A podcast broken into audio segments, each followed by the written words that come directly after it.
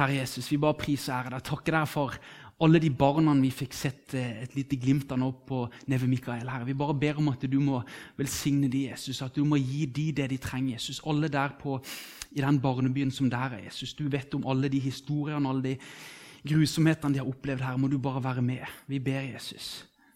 Og så ser du møtet nå. Jeg bare ber om at du må gi meg tale som ditt ord. Eh, må du bare være sterkt til stede med din ånd. Og må du bare ja, tale til oss nå i kveld. Vi ber i ditt navn. Amen. Ja, i dag så skal vi fortsette litt der vi har vært. Vi har, forhåpentligvis så har det hengt litt sammen. Sant? Det har vært, vi begynte søndagen veldig evangelisk, og så har vi vært litt videre sant, i forhold til både det å bli kjøpt fri Vi er blitt satt i frihet gjennom et slaveri vi en gang var slave under. Og så kjøpte Jesus oss fri fra et fangenskap, sånn at vi nå skal tjene Han og ha, herre, ha Jesus som herre i vårt liv. Snakka litt om det både én og flere kvelder om hva vil det si å ha Jesus som herre. Er Jesus herre? Vi tilhører ikke lenger oss sjøl, vi er dyrt kjøpt med Jesu eget, eget, blod. Nå er det Han vi skal, vi skal tilhøre. Og Så har vi vært innom også den bortkomne sønnen, sånn som det kan skje med mennesket i dag, det er at det er andre ting som blir viktigere. En blir dratt bort og kanskje begynner å tilbe andre ting, kanskje, kanskje, kanskje seg sjøl. Men så er det igjen det som Bibelen ønsker hele tiden. Når det gjelder evangeliet, når det gjelder det Bibelen omtaler som den første kjærligheten, så er ikke det at vi har elska Gud, men at Han har elska oss og det må ligge til bunns i alt det vi snakker om både her i kveld og ellers. alltid, At det er den første kjærligheten, at Gud har elska oss. Og da igjen så var det den bortkomne sønnen som fikk erfare den inderlige meddynken. Medynk som var brukt her som det sterke, sterkeste greske ordet for medlidenhet. En far som hadde en sånn enorm medlidenhet og kjærlighet til den bortkomne sønnen, som Jesus fortalte som en lignelse eller som et eksempel på et lite glimt av Guds kjærlighet til oss, også når vi roter oss bort. Når vi roter oss bort og begynner å flørte med andre ting, så står det alltid ei åpen havn pga. den første kjærligheten. Ikke det at vi har fått til å elske Gud, det får vi aldri til. Men alt er nåde. Vi skal i takknemlighet få lov å leve livet med Jesus som Herre. Og fått en ny mening, en ny hensikt med vårt liv. Og At vi kan få være med i Russland, i fengslene der. Der, der Steinar gjennom stiftelsen har vært innom mange som blir frelst. Dere så på filmen i går på disse her møtene der det er mange som blir frelst. Også i dag i Russland gjennom dette arbeidet. Og igjen i mange andre land. Der ordet blir forkynt, så ser vi at Kraften er nok til å frelse syndere også i dag. På grunn av den første kjærligheten og på grunn av Guds nåde. Så har vi vært litt innom også i forhold til den kampen. Det er en kamp. Vi må, vi må gå inn i Guds rike gjennom mange trengsler, sier eh, Paulus da i Apostlenes gjerninger 14, 22. Vi må gå inn i Guds rike gjennom mange trengsel. Ja, Vi har også snakket om at det, vi, skal løpe med tålmodighet i den kamp vi har foran oss. Hebreerne 12,1. Men der skal vi også få lov å legge av alt som tynger, og synder som henger så fast ved oss, og løpe med tålmodighet i den kamp vi har foran oss. Så det er et sammensatt bilde. Det er, masse, det er ikke bare én ting. Det er mye men det er bare det å være et menneske og leve her. For det å være menneske, det er, det, det er ulikt ut ifra hvem, hvem vi er. Vi er alle ulike og har vår bagasje og våre utfordringer. Bak en fasade så kan det være et, et, et, et, liv som gråter. Kanskje noen her har kjempetøffe utfordringer disse dagene. det vet jeg ikke. Men så er det det at vi skal få lov å sammen venne oss til Han som vet om alt, som har inderlig medynk med oss. Vi skal legge, få lov å legge av alt som tynger oss, og våre bekymringer hos Han. Av og til er det veldig vanskelig alene, men vi skal også få lov å gjøre det sammen. Som fellesskap med Jesus som Herre. I den kampen og den trengselen som det er når vi er en del av den åndelige krigføringa som vi opplever. På vei til himmelens land, på vei til det som ligger bak dette livet, inn i evigheten. På andre sida av evigheten, når vi skal møte Jesus, og det står om de første ting er vekket bort. Da skal det ikke være gråt, ikke smerte. Det som vi treng, tynges med nå, de første ting, de er vekket bort. Det er ikke der lenger. Men nå enn så lenge så er de der. så har Bibelen både fortalt oss, og sånn er det gjort oss oppmerksom på den daglige kampen vi har i møte med verden, i møte med oss sjøl og det gamle mennesket i oss. Så skal vi se litt videre på ting som kan gjøre ønske å ta det fokuset fra oss. Ifra det å ha et grunnfesta sinn fra Jesaja 26, 3, som vi begynte den første møtet med. Den som har et grunnfestet sinn, ham lar du alltid ha fred for til deg setter han sin lit. Og Det er en fred som Gud gir gjennom at sinnet vårt fylles og hviler på det som skaper fred, midt i all ufred. Og det er nevnt, Nå har jeg sagt mye både om ting, bekymringer, ting som kan prege oss mennesker der vi er i vårt liv. Men Bibelen ønsker å si også det er en plass der vi får fred. Så er jo kampen det å komme til den plassen. Å være på den plassen. Og kanskje også sammen med andre, når ikke vi får det til sjøl, for vi har det så tungt, sammen med andre søsken kan vende oss til den plassen. Og sammen erfare den freden. Filipperne har vi vært litt innom. Med, når Paulus reiste til menigheten Filippi, eller til Filippi og skulle forkynne evangeliet Vi har sett både vært litt i Filipperbrevet og litt i apostlenes gjerninger når han reiser der for første gang, kommer til Makedonia som ennå ikke evangeliet var forkynt. Men han hadde gjennom et syn fått høre at noen som hadde sagt, ropt 'Kom og hjelp oss!' Og så skjønner han at det hjelper de trenger, som vi alle trenger da, det er å høre om han som er fredsfyrsten, som kan gi oss den freden. Ikke bare på innsida, men fred med Gud. Og det er jo den viktigste freden. Og så kan vi se igjen i Filipperbrevet, bare som en liten sånn en, vi tar med oss nå inn i det som kan være litt utfordrende, så er det igjen det synes jeg så eh, hva skal vi si, litt sånn både utfordrende, men igjen trosstyrkende i forhold til Paulus, som var sant menneske, som, som med der hadde sine ting som han gjerne måtte minne oss på. som han også, Vi skal glemme det som ligger bak. Ting han hadde gjort. Han har vært spotter, forfølger, voldsmann og gjort mye galt. Men i møte med Jesus og tilgivelsen der, så, så hadde han fått tilgivelse. Og det, skulle, det var et annet kapittel Sånn er Gud og Guds nåde. Det, det, vi, det, som er tillit, det skal vi få legge bak oss. Det, det, skal ikke bråke mer og gjøre veien vanskelig for oss å gå. Det skal vi få lov å glemme når det er tilgitt og gjort opp på korset. Det er nåden, det er kraften i forsoninga, eller i Jesu blod, i evangeliet, som en Guds kraft til frelse. Men så er det Paulus, der han var, hadde sine utfordringer, som alle. Han var ikke et supermenneske. Det vet vi. Han var, hadde sine fristelser, sine lyster, sånn som oss. Og der sitter han nå i Filipperbrevet og skriver fra et fengsel til menigheten i Filippi, der han en gang satt inn i det innerste fangehullet pga. troa si. Han måtte lide masse fordi han trodde på Jesus. Så da var det ikke bare at vi blir frelst, så skal livet bare gå fra herlighet til herlighet. Vi skal bare, Det er bare ingenting motstand. Alt er bare bra. Nei, Men det sier ikke Bibelen oss. Vi sier at vi må gå inn i Guds rike gjennom mange trengsler pga. den åndskampen som vi er en del av. Men også der så er han med gjennom alt. Da er han med gjennom alt.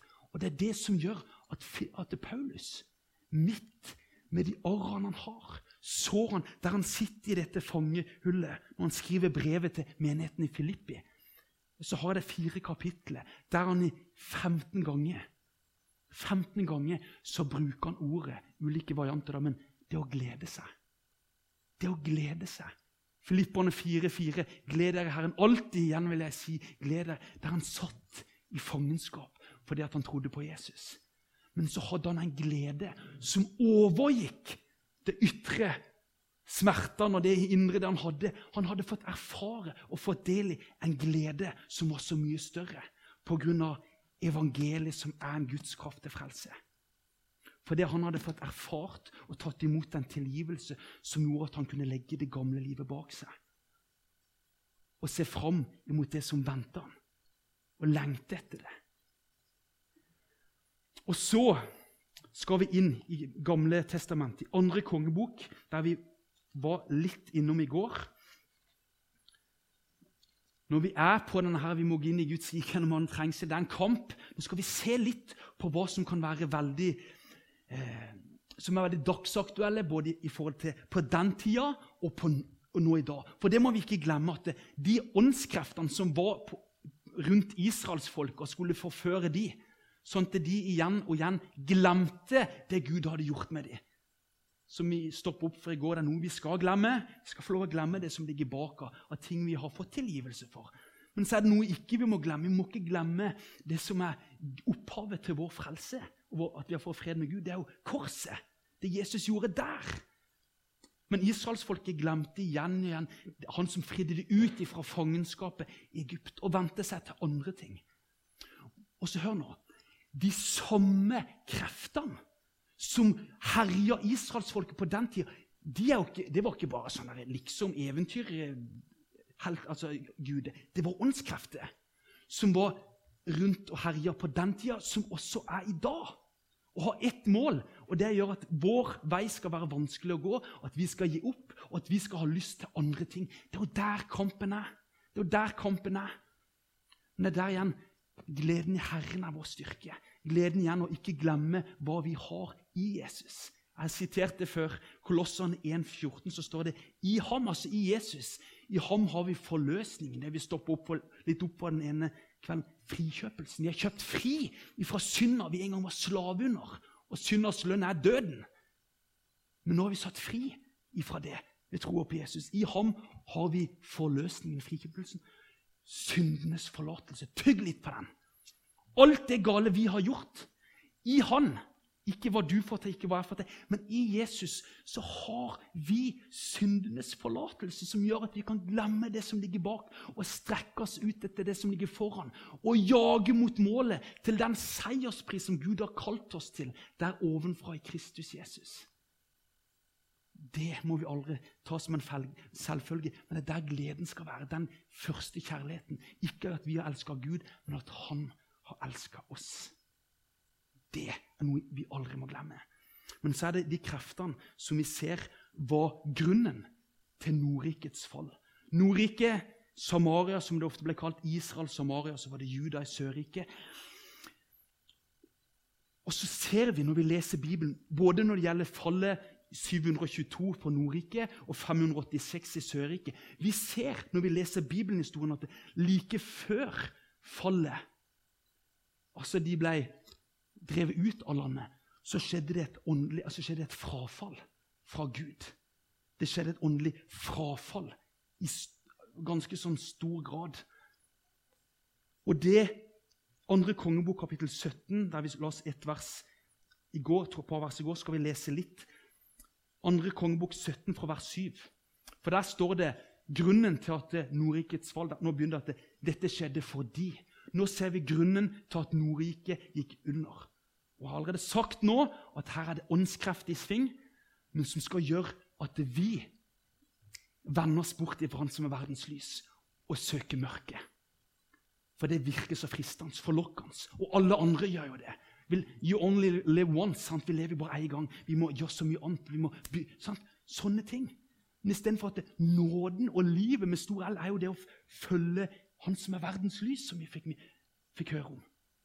Men nå må vi bare sjekke litt sånn her i forhold til det som ble sagt på den tida, i forhold til det som gjelder oss i dag.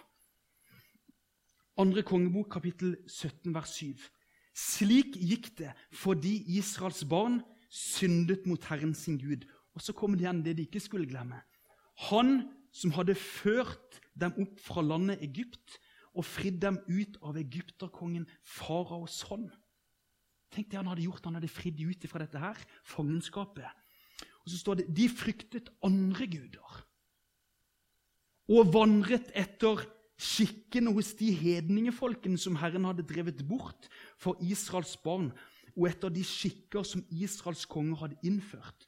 Og de folkene som bodde i Kanans land, som Israel kom inn i Når du leser sekulære skal vi si, eh, litteratur om emnet, så kan de fortelle at det var ganske mye brutalt og hedenskap som var av skikk og bruk. Mye perverst i forhold, i forhold til sin avgudsdyrkelse.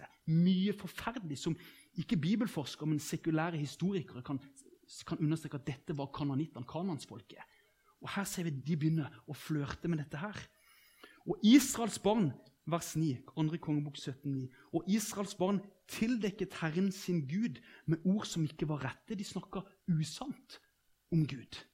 de kunne ligne på, men det var ikke Guds ord. Vi kjenner til den taktikken i dag. Mikse og trikse med Guds ord og klippe og lime. Eh, og så står det her De bygde seg offerhauger på alle bostedene sine, like fra vakttårnene til de befestede byene. De reiste støtter og startebilder på hver høy bakke under hvert grønt tre. De brente røkelse der på alle haugene, like som de hedningefolkene Herren hadde drevet bort for dem. Og de gjorde onde ting så de vokte Herrens harme. De dyrket avguder. Tenk Gud som hadde, hadde fridd ut fra fangenskapet, vært for, gjennom, med dem gjennom ørken og forsørga for dem hver dag i ørkenen. De dyrket avguder enda Herren hadde talt til dem og sagt det skal dere ikke gjøre. Og Herren vitnet for Israel og for Juda ved alle sine profeter og alle seerne og sa sånn, Det er Gud, den inderlige medynken. Vend om! Vend om! Igjen, ja, han sendte profetene tidlig og sent. Vend om! Kom tilbake her! Vend dere bort ifra avgudene, fra de hedningefolkene. og Ta ikke etter de sine skikker. Starte som var det kanskje det nærmeste de kommer pornoen i dag. En naken damestatue som de herja med sånn på den tida. Det er mye brutalt når du leser historien.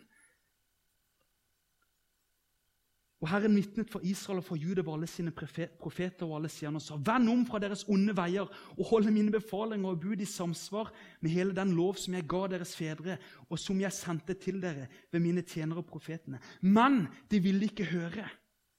Det var det vi snakka litt om. De ville ikke høre og var hardnakkede, som sine fedre, som ikke trodde på Herren sin Gud. De forkastet hans bud og den pakten som han hadde sluttet med deres fedre, og de vitnesbyrd som han hadde gitt dem. De fulgte de tomme avgudene og ble selv tomme. De etterligna de hedningefolkene som bodde rundt omkring dem. Enda Herren hadde sagt dere skal ikke gjøre som de. De forlot alle Herren sin Guds bud og laget seg støpte bilder, to kalver, og de laget et startebilde og tilba hele himmelen sær og dyrket Bal. Sine sønner og døtre lot de gå gjennom ilden, og de gav seg av med spådomskunster og varseltydning, og solgte seg selv til å gjøre det som var ondt i Herrens øyne, så de vakte hans harme. Her er det mange vers. Gå hjem og les hele dette her. Andre kongebok, kapittel 17, fra vers 7. Dette skjedde at de, de mista altså Nordrikets fall fordi dette her. Men her ser du.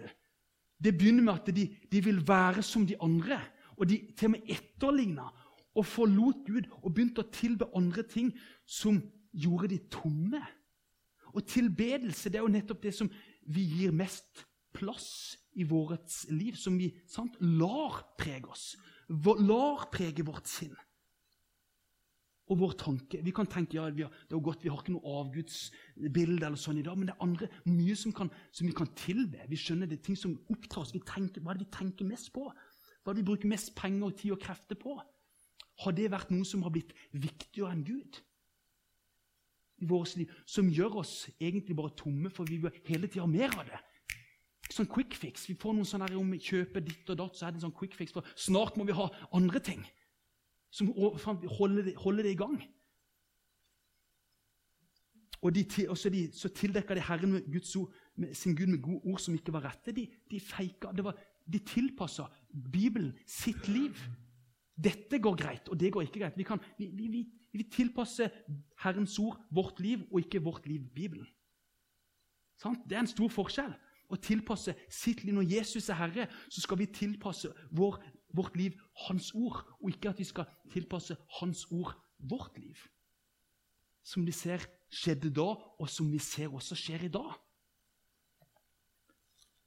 Eh, de etterligner sant?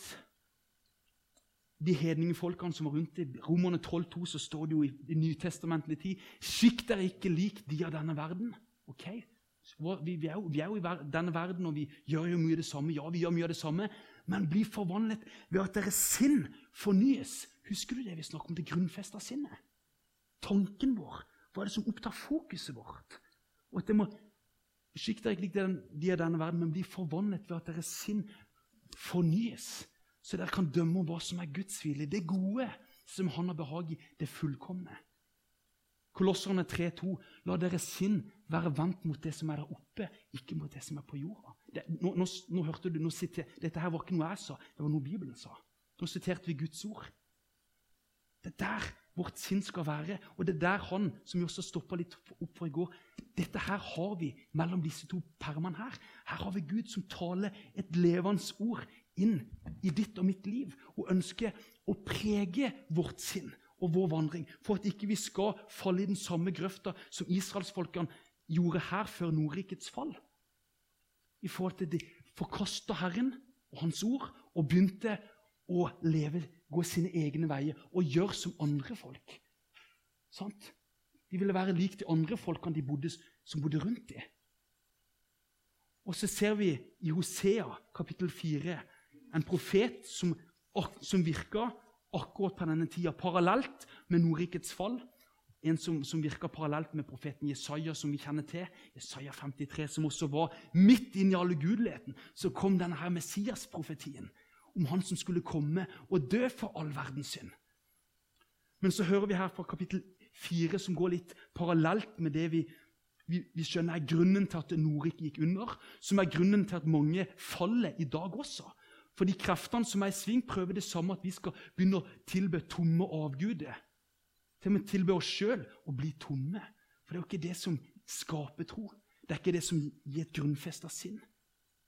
Men det Bibelen sier, sant? det er jo det vi må, vi må ta for sannhet. For hør her. Hva, når, hva skjer når ikke vi ikke har noe sannhet å forholde oss til? Hosea kapittel 4 fra vers 1. Og Dette var parallelt samme tida, samme kreftene, de samme utfordringene har vi i dag. Så står det her Hør Herrens ord. Det bare begynner. Det begynner, sant? Som, som også profeten Jeremia, som var kanskje den som flest ganger. Hør Herrens ord. Profeten Jeremia, kapittel 22-29, så er det Land, land, land, hør Herrens ord. Vi kan si det samme i dag. Norge, Norge, Norge, hør Guds ord! Det er det som vi blir frelst ved, blir bevart ved, blir inspirert ved, blir trøsta ved, blir oppbygd ved. Og få en sinnsforandring, forvandling, med dette her. Men han begynner også Hosea midt i den ugudelige tida, den mørke tida, som var rett før Nordriket falt. Og de ble drevet ut.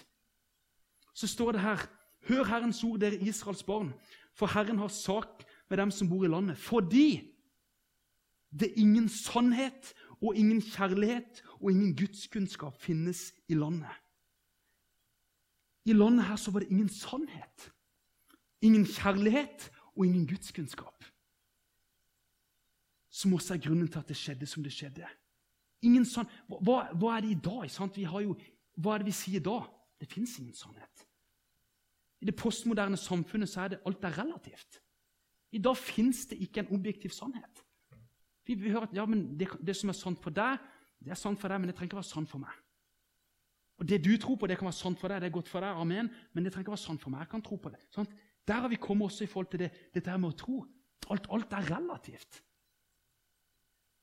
I, I, den tida vi lever i. Ingen kjærlighet. Nå har vi nettopp snakket om den første kjærligheten, som er at Gud har elsket oss. Hadde de vendt seg bort ifra han, ennå den, han var der, men de hadde vendt seg bort ifra Gud og den inderlige medynken han hadde til sitt folk. At han sendte de profeter igjen og igjen. Vend om! Hør mitt ord! Men de ville ikke høre. De vendte seg bort fra den første kjærligheten, fra Guds kjærlighet. Og så var det ingen gudskunnskap. Det var ingen gudskunnskap. Åssen er det blant oss i dag i forhold til landet? Hvor mye vi, Gudskunnskapen og kjennskapen er jo veldig dalende. Det vet vi. Færre og færre leser Bibelen jevnt og i mange møtesammenheng fra en talerstol så er det veldig mye annet av liv og opplevelse, og sånne ting, og så er det veldig lite Bibelen. Og noen undersøkelser som sier det at det, for noen i dag Det de baserer bibellesinga si på, det er det de hører en gang i uka i menigheten. Og når da det blir gjort en undersøkelse Når da i tillegg forkynnelsen inneholder mindre og mindre Guds ord, så er det ikke mye Bibel, Bibelens Guds ord de får høre når de da i tillegg ikke leser Bibelen sjøl. Gudskunnskapen blir mindre også i vårt land. Det henger med, sant? Og Jesus sa, som vi siterte i går til sadukerene, er altså, dere farer. Eller dere går til grunne, kan vi sagt, i forhold til forlengelsen av denne teksten, fordi dere ikke kjenner Skriftene, og heller ikke Guds kraft. Gudskunnskapen. Det er ingen gudskunnskap. Og det er gjennom kunnskapen om evangeliet. Det er der vi blir både frelst og blir bevart. Og igjen kan la deres sinn være vendt mot det som er der oppe, ikke mot det som er på jorda. For i Nordriket så var det De, ville, de forlot dette her. Både sannheten De tildekka Herren sin Gud med ord som ikke var rette, las vi. er ingen sannhet, ingen kjærlighet. De forlot Gud. Og gudskunnskapen sa de farvel til. De, de, sant? Overleveringene fra, fra fedrene om det Gud hadde gjort, de tok ikke vare på det. Og Derfor også glemte de hva Gud hadde gjort for dem. Og de ser det samme gjelder oss i vår tid. Men så ser vi det at det, rett før dette fallet så, Rett før dette fallet, altså de, at de ble drevet ut av landet sitt, så skjedde et åndelig frafall. Og så skjedde det at de ble drevet ut, og de fikk en ny adresse.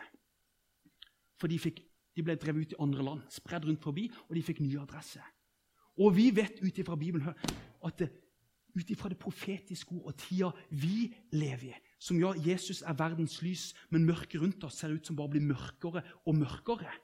Og det står om et åndelig frafall nasjonalt. I Norge så ser vi i hvert fall vi skal holde oss til våre landegrenser, mer og mer at Norge som, vi forkaster Herrens ord. Og det blir mindre og mindre sånn at ingen sannhet, ingen kjærlighet i forhold til den første kjærlighet, og ingen gudskunnskap. Men der så ser vi at dette fallet skjedde rett før landet, altså folket bytta adresse. Det skjedde adresseforandring. Og vi vet ut ifra det profetiske at det, det, er noen, du og meg, som, nå, som har latt oss bli frelst av bare nåde. Nåde pluss ingenting. Som setter vår lit til dette ordet her, som igjen Bibelen omtaler som ord om korset. Det er en dårskap for de som går fortapt. Men for oss som blir frelst, er det en Guds kraft. Vi som setter vår lit til evangeliet, den dårskapen, for de som går fortapt. Vi skal snart også bytte adresse. Jeg tror det. Ut ifra det profetiske. og Det er ulike syn og meninger om dette, her, men jeg tror at det, det nærmer seg ut ifra når vi ser det som skal kjennetegne tidene før Jesus kommer. Her står det at dette skjedde, fallet skjedde fordi sånn og sånn og sånn, men vi ser Bibelen skrive opp noen kjennetegn hva som skal skje før menigheten blir henta. Og det ser vi mer og mer av. Både ingen sannhet, hvis vi skal holde oss til Det gamle testamentet, ingen kjærlighet og ingen gudskunnskap. Også i menigheten så begynner folk å venne seg til eventyr. De vender seg bort fra sannhet. 2. Timoteus kapittel 4. Vender seg bort fra sannheten og vender seg til eventyr. Det som klør i øret, er det som blir forkynt. Dette sier Paulus til Timoteus i de siste tider. Det sier han også at det skal komme farlige tider. Det skal være at, det skal være at mennesker kan elske sine lyster høyere enn Gud. 2. Timoteus kapittel 3 står der. Både kapittel 3 og vers 4 kapittel 3 så, så begynner det at Men du skal vite at de siste tider skal det bli farlige tider. Og Her ser vi at det var farlig tid for israelsfolket. som sant, De herja, de etterligna hedningene. Det ble en åndskamp. De begynte å flørte med andre avgudskrefter som var i disse startebildene. For det var ikke bare et bilde, det var åndskrefter bak. Det begynte å åpne opp for andre krefter. Og Paulus sier til Timoteus du skal vite at i de siste tider skal det komme farlige tider. Og Det står bl.a. noe som skal altså Egoismen, egenkjærlighet, pengekjærlighet, utenaktelse for det hellige osv. Og, og så avslutter denne her, alle, de, den, alle den, beskrivelsen, den beskrivelsen på de siste tidene i forhold til det Paulus sier. Slike som elsker sine lyster høyere enn Gud.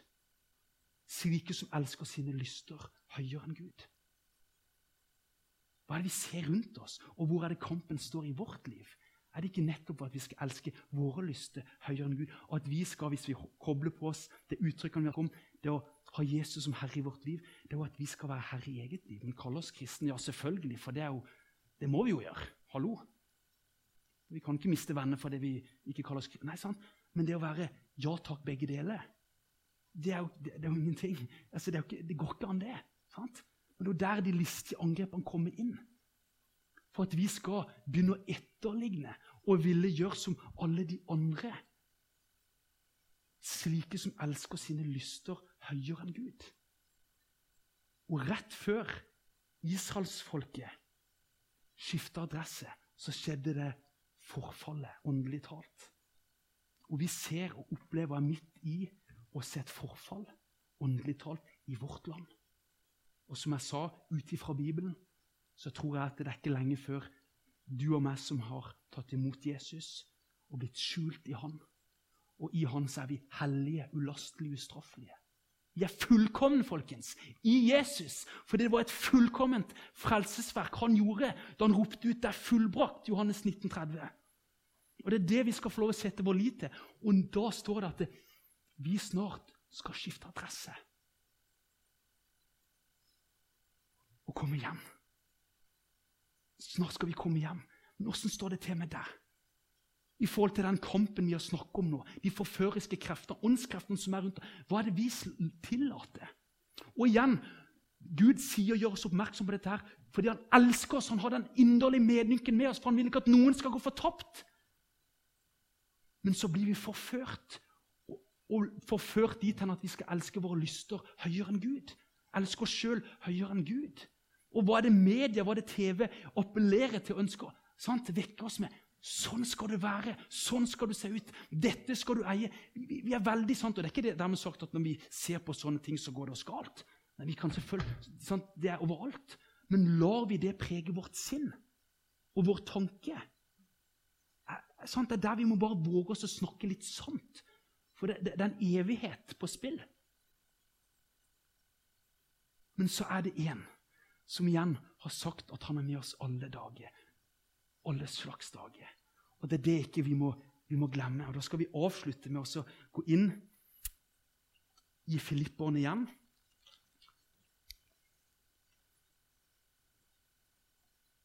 Og de versene vi stopper opp for i går, fra vers 13 Bare lese ut kapittelet, som er veldig fint, syns jeg. i hvert fall Avslutning på, på, dette her også. Men Det er litt sånn alvor. Men det er igjen, vi må bare våge oss å Åssen er det? Hvordan er det åndelige, den åndelige temperaturen iblant oss? Klimaet? Det er brutalt. Og ut ifra de siste tids beskrivelse så, så det, skjer det et forfall også blant oss, og vi ser det i landet vårt. Og jeg tror snart så kommer Jesus og henter sine. Men er vi klare da? Vi skal sette vår lit til at, det, at vi, vi, blir med hvis vi har satt vår lit til Han.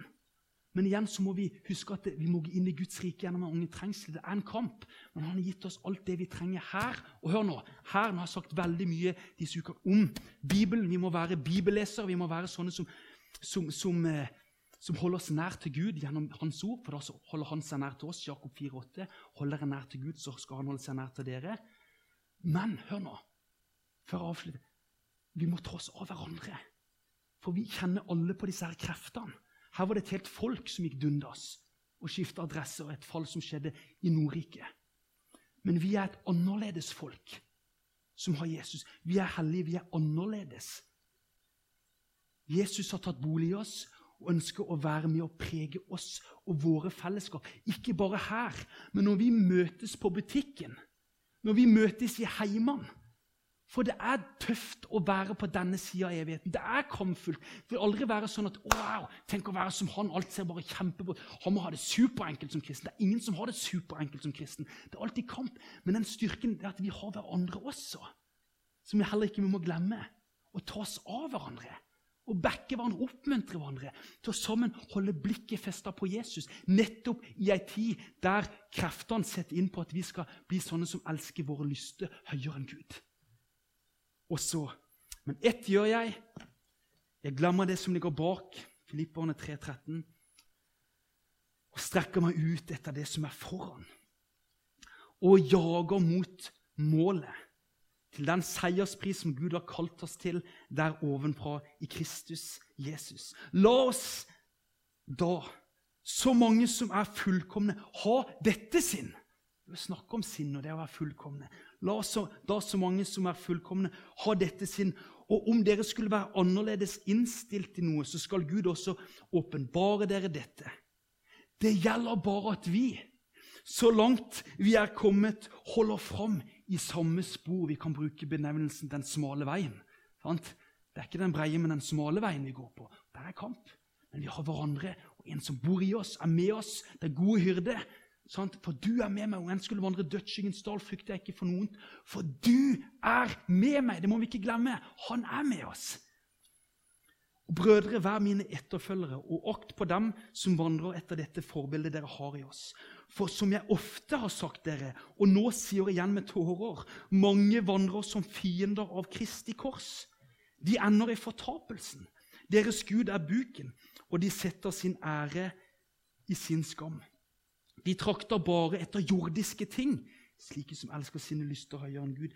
Men vi har vårt hjemland i himmelen. Derfra venter vi også Herren Jesus Kristus som frelser. Han skal forvandle vårt fornedringslegeme og gjøre det likt med sitt herlighetslegeme, ved den kraft han har til oss å legge alle til ting under seg. Dette skriver Paulus. Og igjen, han var ikke den derre Vi kan liksom tenke at han var en helt, men han var et menneske som oss. Han hadde det beintøft, og mange dager han sikkert gråt. Han var så fortvila. Livet var tungt og hardt å leve. Men så kan han si dette her, at han hadde det håpet om et hjemland. En dag så, det, så, skal han møte Jesus. Han hadde jo møtt Jesus. Og som han, og som han sier innledningsvis i kapittelet, at han ville heller være borte fra legeme og hjemme hos Herren, for det er så mye, mye bedre. Han har fått en smak. Men så er det for du og meg å våge å snakke sant om livet og der vi er under vandringa, og det som tynger og synder som henger så fast ved oss. At vi våger å snakke sunt om at av og til, hvis livet er tungt som kristen Jeg får det bare ikke til. Det er så vanskelig. Heimen, i ekteskapet, jobbsammenheng. Ting er så vanskelig at vi skal få lov å snakke sant og ærlig med Gud først og fremst. For han vet hva vi trenger før vi ber om noe. Jesus, Jesus har blitt prøvd i alle ting. Husk det. Glem ikke det. Der han står med inderlig medynk. Han har blitt prøvd i alle ting likhet med oss. Han vet åssen du har det der du er i ditt liv nå, og allikevel så slår han ikke fingrene av deg. Han ønsker at du skal gjennom dette vi har hørt nå, skal få et forvandla sinn.